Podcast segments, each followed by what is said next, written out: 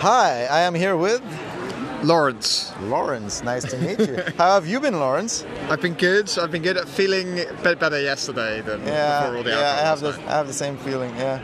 Uh, I see you're wearing a really nice cowboy hat. How are you gonna get that home? Are you gonna overhead luggage. overhead luggage? Yeah. Do you think it'll, it'll make it? Yeah, I'll make it. I'll make it. I told my girlfriend that I'd bring back a hat, so Ah, cool. I- it has to make it. like Spotify made that happen for you. Yeah, Didn't have to invest three hundred dollars to buy like a real leather one. they're Yeah. ridiculous. The shops. Did you? Have you been into Austin? I haven't. Oh, I have been in Austin, but I haven't checked out the, the cowboy hats yet. There's one. We saw like one Stetson hat uh, shop, and it had. Um, it just had like five. It was one of those stores where there's like only five hats or whatever, in, and you're like, oh my god, it's got to be incredibly expensive because it kind of looks like the Apple store and that kind of layout. So, and yeah, they were expensive. Yeah. All right. So this ep-